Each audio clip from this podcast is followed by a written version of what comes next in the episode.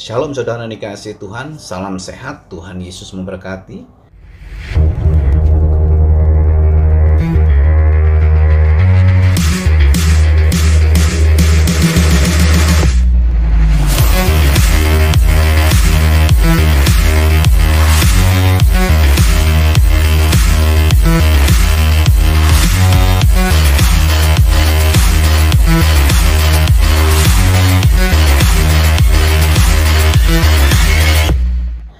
Hari ini saya mau sharing tentang jangan panik. Saat ini begitu banyak orang yang mudah panik. Kepanikan terjadi kepada seseorang karena kecemasan atau kekhawatiran yang berkelebihan. Dan kekhawatiran dan kecemasan itu timbul karena ketidaktahuan seseorang akan apa yang akan terjadi kemudian. Sekali lagi saya ulangi, kecemasan dan kekhawatiran timbul karena ketidaktahuan kita akan apa yang akan terjadi kemudian sebagai contoh. Di saat kita hendak melompat ke dalam sebuah kolam yang belum pernah kita lompati dan keadaan kolam itu keruh kita akan menjadi khawatir. Karena apa ketika kita hendak melompat, kita nggak bisa melihat dasar daripada kolam itu, kita akan berpikir seberapa dalam kolam itu. Jika kolam itu hanya 50 cm kedalamannya dan kita melompat di atas ketinggian 5 sampai 6 meter, maka yang terjadi adalah kita akan mengalami cedera kaki atau bahkan yang lebih parahnya kita akan mengalami patah tulang. Kita khawatir karena kita tidak tahu kedalaman kolam itu.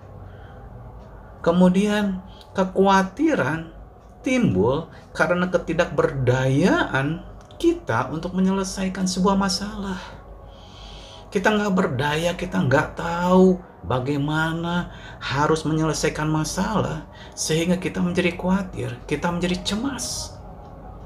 Contoh ketika ada seorang anak muda, dia baru bisa belajar naik motor dan ketika dia naik motor itu, di tengah jalan tiba-tiba motornya mogok. Dia berhenti, kemudian dia starter motor itu, kemudian dia sela-sela motor itu tetap nggak hidup. Nggak hidup. Sampai beberapa waktu lamanya, sampai berkeringat. Anak muda itu coba untuk supaya motor itu hidup kembali, tapi usahanya sia-sia sampai akhirnya dia menjadi khawatir. Dia menjadi cemas. Dia menjadi takut. Kemudian dia dorong motor itu sampai ketemu sebuah bengkel. Dan di bengkel itu dia katakan bahwa motornya rusak. Kemudian ketika montir lihat motor itu sesaat, dia hanya buka joknya, buka tutup tangki. Kemudian dia bilang, lihat bensinnya kosong. Dan ketika bensinnya diisi, di starter motor itu hidup kembali.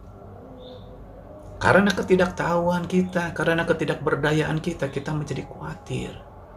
Kemudian kekhawatiran, kecemasan juga bisa ditimbulkan karena kita nggak tahu akan kebenarannya. Contohnya saudara suatu hari saya ditelepon oleh seseorang yang nggak dikenal. Dia katakan bahwa anak saya mengalami kecelakaan di sekolah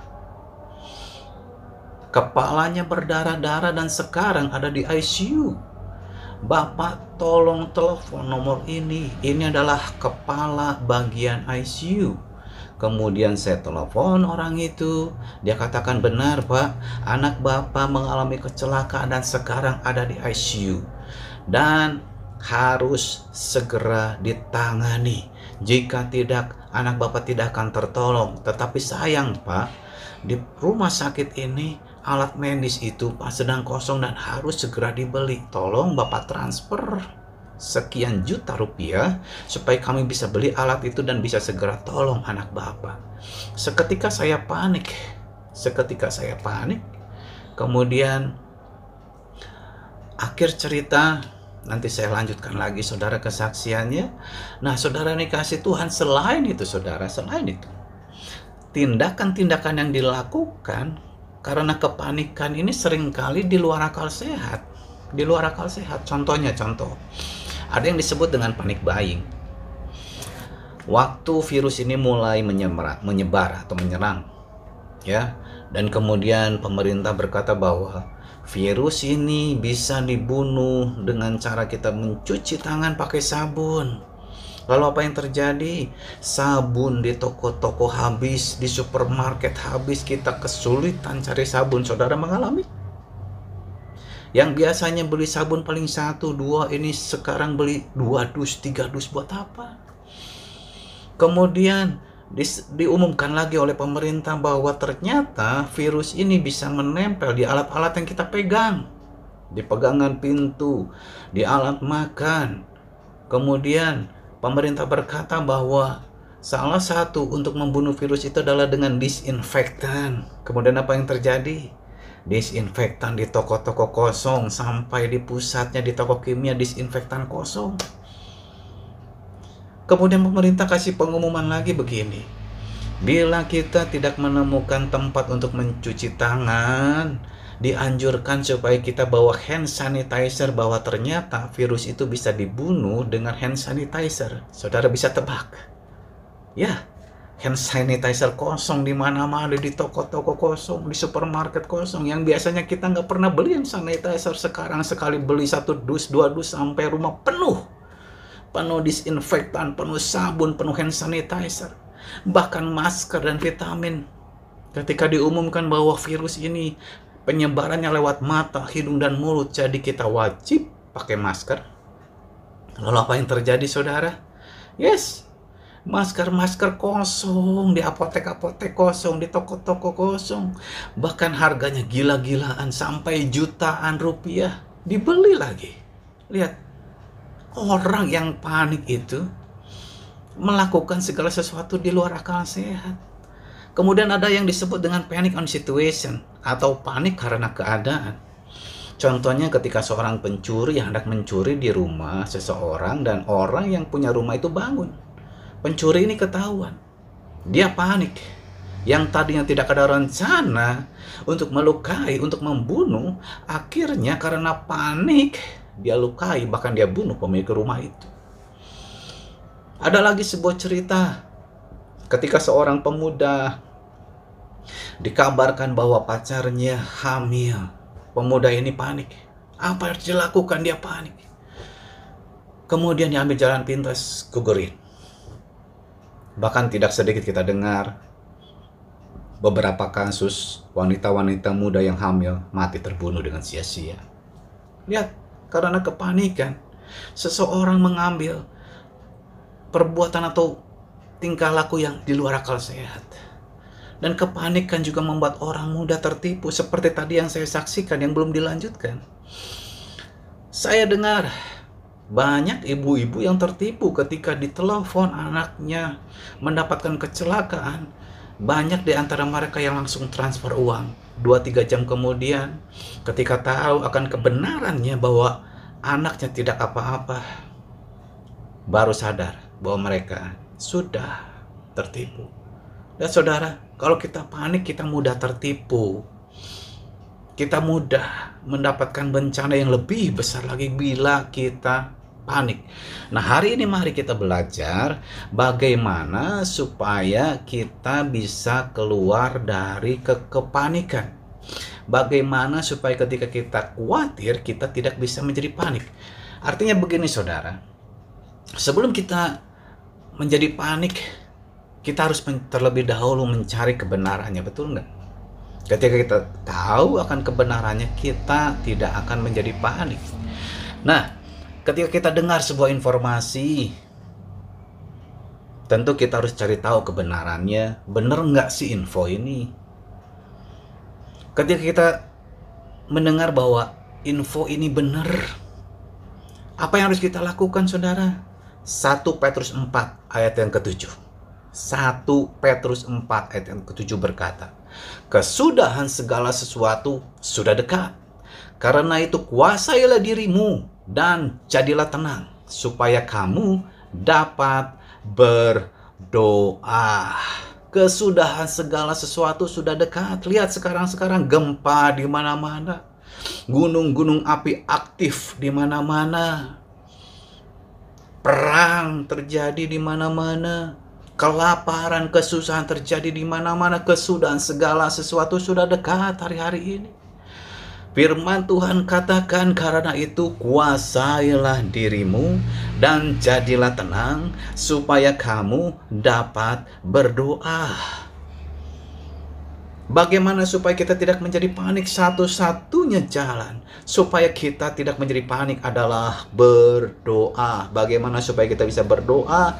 Jadilah tenang supaya kita bisa berdoa. Bagaimana supaya kita bisa tenang? Kuasailah diri kita. Amin. Saudara dikasih Tuhan, ketika saya dulu ikut diklat doa, saya diajarkan oleh Bapak rohani saya untuk doa 10 detik. Doa 10 detik. Kolose 3 ayat 17 berkata, dan segala sesuatu yang kamu lakukan dengan perkataan atau perbuatan, lakukanlah semuanya itu di dalam nama Tuhan Yesus sambil mengucap syukur oleh Dia kepada Allah Bapa kita. Jadi saudara, ketika kita mau makan, mau minum, mau pergi, mau belanja, mau buang air sekalipun, doa apa pun yang kita lakukan, doa. Apa yang kita doakan dalam waktu 10 detik itu minta hikmat. Ketika kita mendapatkan masalah dan persoalan, minta tuntunan dan petunjuk dari Tuhan. Ketika kita hendak pergi, minta perkenanan Tuhan untuk menjaga kita. Ketika kita mendapat sebuah masalah dan persoalan, minta campur tangan Tuhan saya lanjutkan kesaksian saya, saudara. Ketika saya menjadi panik, saudara dikasih Tuhan.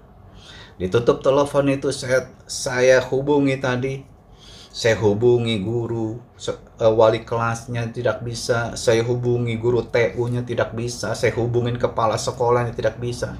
Saya doa 10 detik kepada Tuhan, Tuhan, anak saya diberitakan mendapat kecelakaan saya minta petunjuk Tuhan, benar atau enggak Tuhan. Saya minta campur tangan Tuhan. Saya coba telepon satu orang guru lagi dan campur tangan Tuhan bekerja. Guru ini bisa dihubungi dan saya tanya, Bu, apakah benar di sekolah anak saya kecelakaan? Dia katakan tidak. Ketika saya mengetahui akan kebenarannya, seketika itu juga kekhawatiran saya hilang, kecemasan saya lenyap diganti dengan ketenangan dan damai sejahtera. Dan ketika orang itu telepon kembali dengan tenang, saya bisa jawab, Pak, boleh saya tahu nama Bapak, di mana Bapak berada saat ini? Yuk kita ketemuan. Dan ketika orang ini tahu bahwa saya sudah mengetahui akan kebenarannya, maka langsung teleponnya ditutup. Saudara dikasih Tuhan, mari hari-hari ini jangan cepat kita menjadi khawatir Jangan cepat kita menjadi panik karena kepanikan itu akan membuat kita mudah untuk tertipu, akan membuat kita melakukan hal-hal yang di luar akal sehat kita. Oke, okay? jadi saudara-saudara, ketika kita mendapatkan sebuah berita, ketika kita mendapatkan sebuah masalah, ketika kita mendapatkan sebuah persoalan, apa yang harus kita kerjakan, saudara? Kuasai diri kita. Amin. Kuasai diri kita, jadilah tenang. Oke? Okay? Kuasai diri kita, jadilah tenang supaya kita bisa berdoa. Jadi satu-satunya untuk menangkal supaya kita tidak menjadi panik adalah berdoa. Amin. Saudara dikasih Tuhan, dalam situasi dan masa kesusahan besar hari-hari ini, firman Tuhan katakan, kuasailah dirimu, jadilah tenang, supaya kamu bisa berdoa. Bawa segala masalahmu, bawa segala persoalanmu kepada Tuhan lewat doa. Amin. Tuhan Yesus memberkati.